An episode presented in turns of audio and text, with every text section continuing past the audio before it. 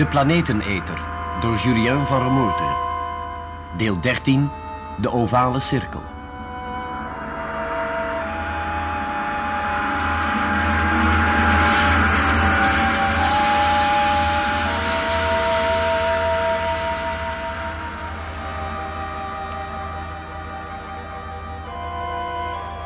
Ik heb in mijn leven al vaak te maken gehad met de dood. Ik heb mezelf steeds voorgehouden dat de beste wijze om de dood te benaderen... een stoïcisme is. Of dan toch een vorm daarvan. Een mens wordt geboren. De enige zekerheid die hem tot rust kan brengen is... dat hij sterven zal. Maar de dood van John Doren, de commandant van Beta 2... maakte me zo overstuur dat er van mijn stoïcijnse houding niet veel overbleef. Onze chirurgen en hartspecialisten hebben nog gedaan wat mogelijk was... van hartmassage tot en met de meest zware stimulantia. Ik kon het mezelf niet vergeven. Maar wat was het nou wat mij kwelde? Met een onderzoek ingesteld door de genetische directeur bleek... dat mij helemaal niets ten laste kon worden gelegd. Ik had de normale behandelingsprocedure uiterst zorgvuldig toegepast. Lijkschouwing bracht evenmin iets onthullends aan het licht. Doodsoorzaak? Totale uitputting. Of was dat nu wel onthullend? Ik, ik wist het niet meer. Maar één zin bleef in mijn hoofd hangen. De zin door Erika uitgesproken. Een paar minuten voor John stierf. Jullie hadden niet het recht om hem een tweede maal door de hel te laten gaan. Jullie hadden niet het recht om hem een tweede maal door de hel te laten gaan. Jullie hadden niet het recht om hem een tweede maal door de hel te laten gaan. Natuurlijk. De anderen dachten me op te beuren. Allemaal goed bedoeld, jawel. Maar alles wat ze zeiden drong nauwelijks tot me door. Ik kan u niet zeggen hoe diep ik onder de indruk ben, dokter Kimball. Ik weet hoeveel John voor u betekende. Als mens. En als belangrijk element in uw onderzoek. Maar piekeren zit geen zoda aan de dijk. Dat heb ik u duizendmaal zelf horen zeggen tegen patiënten. Misschien kan u maar het best een paar dagen met vakantie gaan... en dan uw werk opnieuw opnemen. Ik begrijp u niet meer. U deed al het mogelijke, dokter. En niemand weet het beter dan ik. U mag het niet opgeven. U kunt Erika en Peter niet zomaar in de steek laten. Dat zou geen mens van u verwachten. En ook, het kan waar zijn wat ze beweren. Denkt u ook niet, dokter? Het kan waar zijn. Het kan waar zijn. Het kan waar zijn.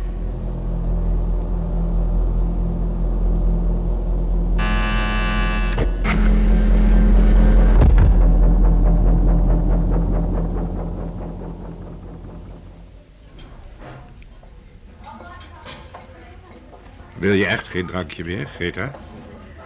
Nee. Nee, dank u wel, dokter Simons. Greta, vind je niet dat het hoog tijd wordt dat je het ziekenhuisprotocol aflegt als je met mij uit eten gaat? Het is de eerste keer, dokter.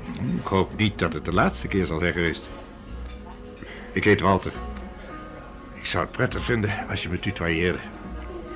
Akkoord?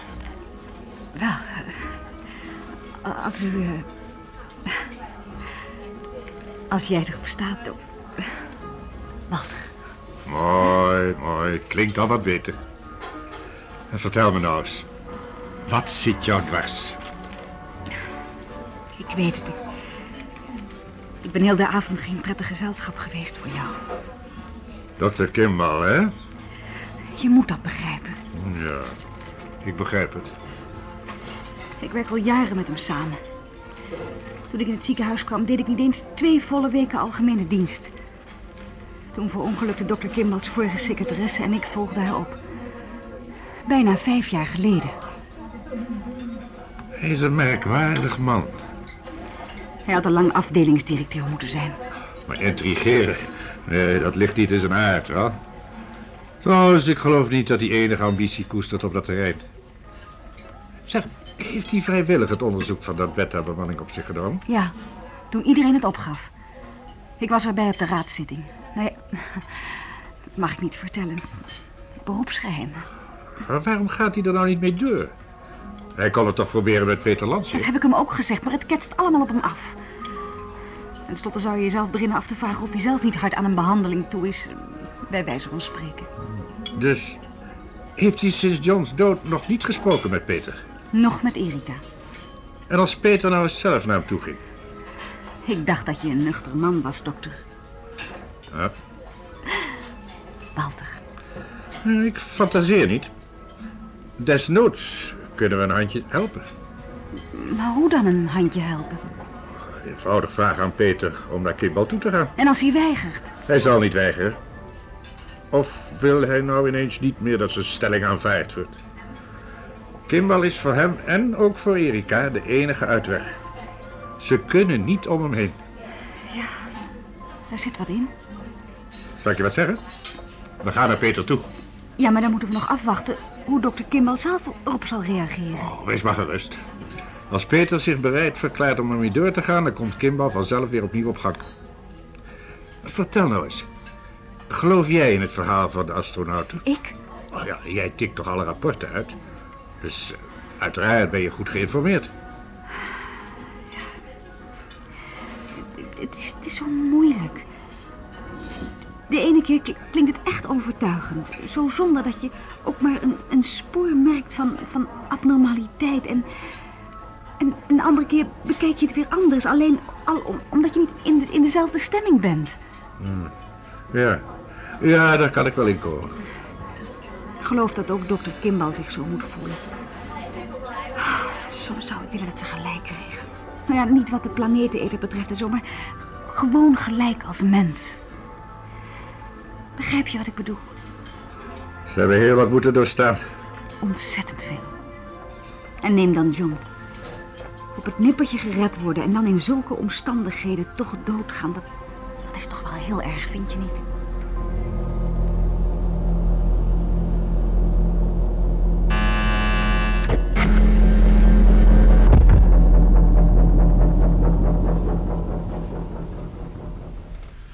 Hallo Peter.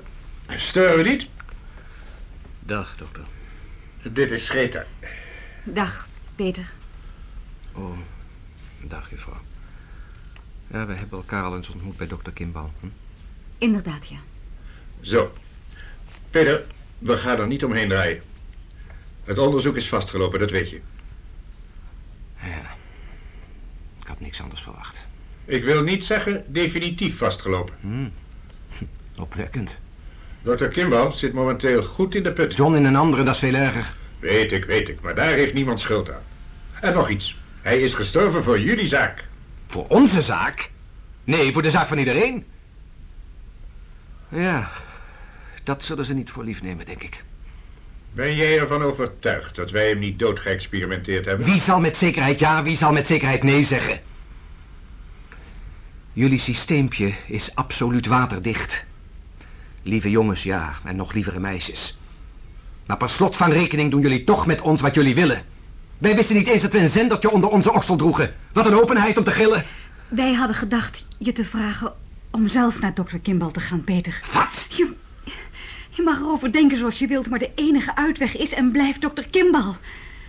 En die is er momenteel behoorlijk onderdoor. Hij moet terug aan het werk. Interesseert me geen barst. Er zijn slechts twee alternatieven. Ofwel men gelooft ons niet. En er volgt de grote is behandeling. Ofwel het onderzoek sleept nog zo lang voort... dat de planeteneter er gewoon voor zorgt dat ik niet eens een grote behandeling krijg. Trouwens, jullie allemaal ook niet. En dat is nou een beetje mijn troost aan het worden. De wereld, de beschaving, de onkwetsbare geneeskunde. In één grote reeks aardbevingen vernietigd. Dat is mooi, hè? Waarom zou ik me nog uitsloven? Om voor jezelf te rechtvaardigen dat je alles gedaan hebt wat in je macht lag om Johns dood zinvol te maken. De dood zinvol? Laat me niet lachen. Wat voor zin had de dood van de mannen in Beta 1? Het ene moment bestonden ze nog, het andere werden ze ontbonden in atomen. Maar dat krijgen jullie hier nooit te zien, hè? Hier is alles kraakhelder. Zo schoon dat zelfs al jullie klierafscheidingen steriel zijn. Nu word je grof. Nou, ik word grof. Die is goed. Eens even testen. Geloof jij in het bestaan van de planeet Het heeft nu toch geen Doe verdomme nou toch eens wat ik vraag en antwoord ondubbelzinnig ja of nee. Als het er zo op staat, nee. Maar mijn antwoord steunt Goed, nergens. goed. Ik neem het je ook niet kwalijk. Maar nou een tweede vraag. Geloof jij in het bestaan van het onderbewustzijn, ja of nee? Eh, eh, ja, natuurlijk. Maar je hebt het nog nooit gezien. Mijn studies, mijn waarnemingen, mijn, uh, ja, mijn opleiding heeft mij de elementen gegeven om te concluderen dat een onderbewustzijn bestaat. Dus... Maar jij weet het, omdat anderen het je gezegd hebben. En omdat het uit een diepgaand onderzoek kan blijken. En wij zeggen jou dat de planeteneter bestaat en dat hij tastbaar en zichtbaar kan waargenomen worden met een diepgaand onderzoek ter plaatse ginds in de Stille Oceaan. Waarom aanvaardt je dan wel het ene en niet het andere? Ja, maar luister nou Nee, nee, nee, nee, niet antwoorden. Ik weet het zelf wel. De planeeteter past niet in jullie systeem. Jullie denken van jezelf dat jullie alle natuurwetten eens en goed hebben vastgelegd. De cirkel is rond en het aanvaarden van de planeteneter zou van die cirkel een ovaal maken. En dan vallen er meteen zoveel professoren van hun troon. En dat moet vermeden worden. Zelfs al kost het de aarde en alles wat erop is. hè? Dat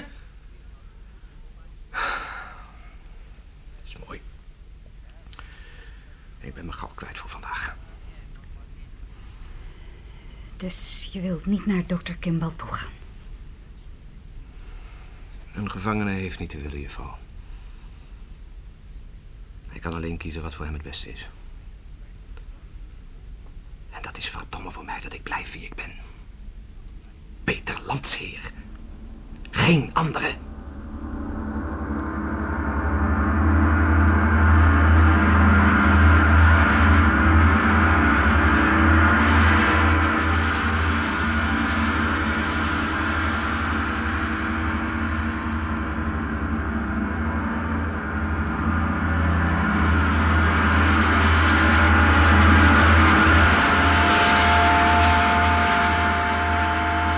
Hebben geluisterd naar het dertiende deel van de Planeteneter, de ovale cirkel. Rolverdeling, Dr. Karel Kimbal, Jan Borkus. Dr. Walter Simons, Willy Ruis. Peter Landsheer, Hans Karsenbarg. Erika Blanker, Marijke Merkens. Greta, Barbara Hofman. Technische realisatie, Tom Prudon en Bram Hengeveld. Regie, Bert Dijkstra.